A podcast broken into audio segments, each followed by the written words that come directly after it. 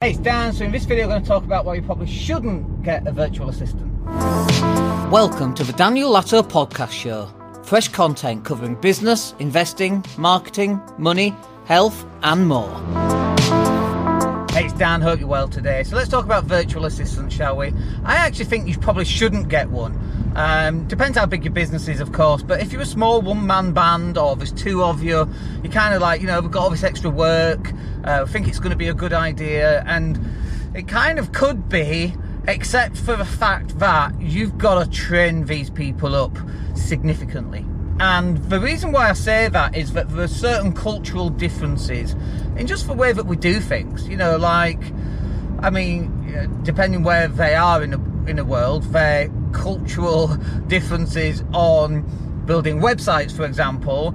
Those websites are going to look very Miami Vice 1980s kind of thing with lots of glaring colours. And you've got to teach that out of them. And then also, you know, using S's instead of Z's or Z's, uh, it can be challenging as well. No matter how many times you explain, no, we don't use Z's, we use S's. Uh, they kind of sometimes don't get that. But but also, you have to check in on the work, you've got to give them feedback, you've got to show them how to do it. And if you don't know how to do it in the first place, then that can prove quite dif- difficult. And and really, this is referring to those technical kind of VAs, like website design, for example.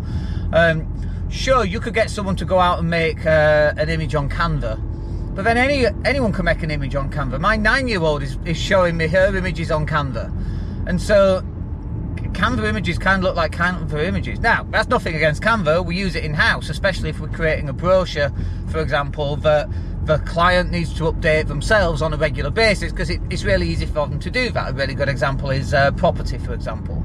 Uh, we have a number of property sources that come across deals, they have to upload the deals, so we make it as easy as possible for them to uh, use the Canva template that we've created on their behalf so it, at least it looks professional. But this this is really the difficulty with using uh, overseas VAs is both a cultural aspect and the fact that got to train people up.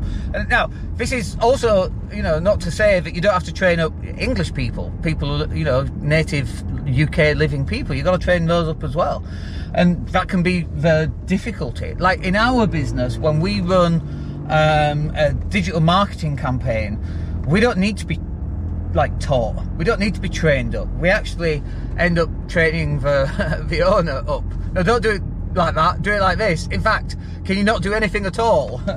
Would you mind not even uh, posting anything out because you're doing it wrong? Let us do it for you. Um, and we come up with ideas, you know. So, oh, we do this with this other client. This would work really well in your business. Why don't we implement that? And so that stuff's really important as well. Anyway, look, it's it's fairly controversial. You're either going to love it or you're going to hate it, and that's fine. Let me know in the comments down below. That's always useful, and um, we'll take it from there. All right, speak to you soon. Have a good day. Take care.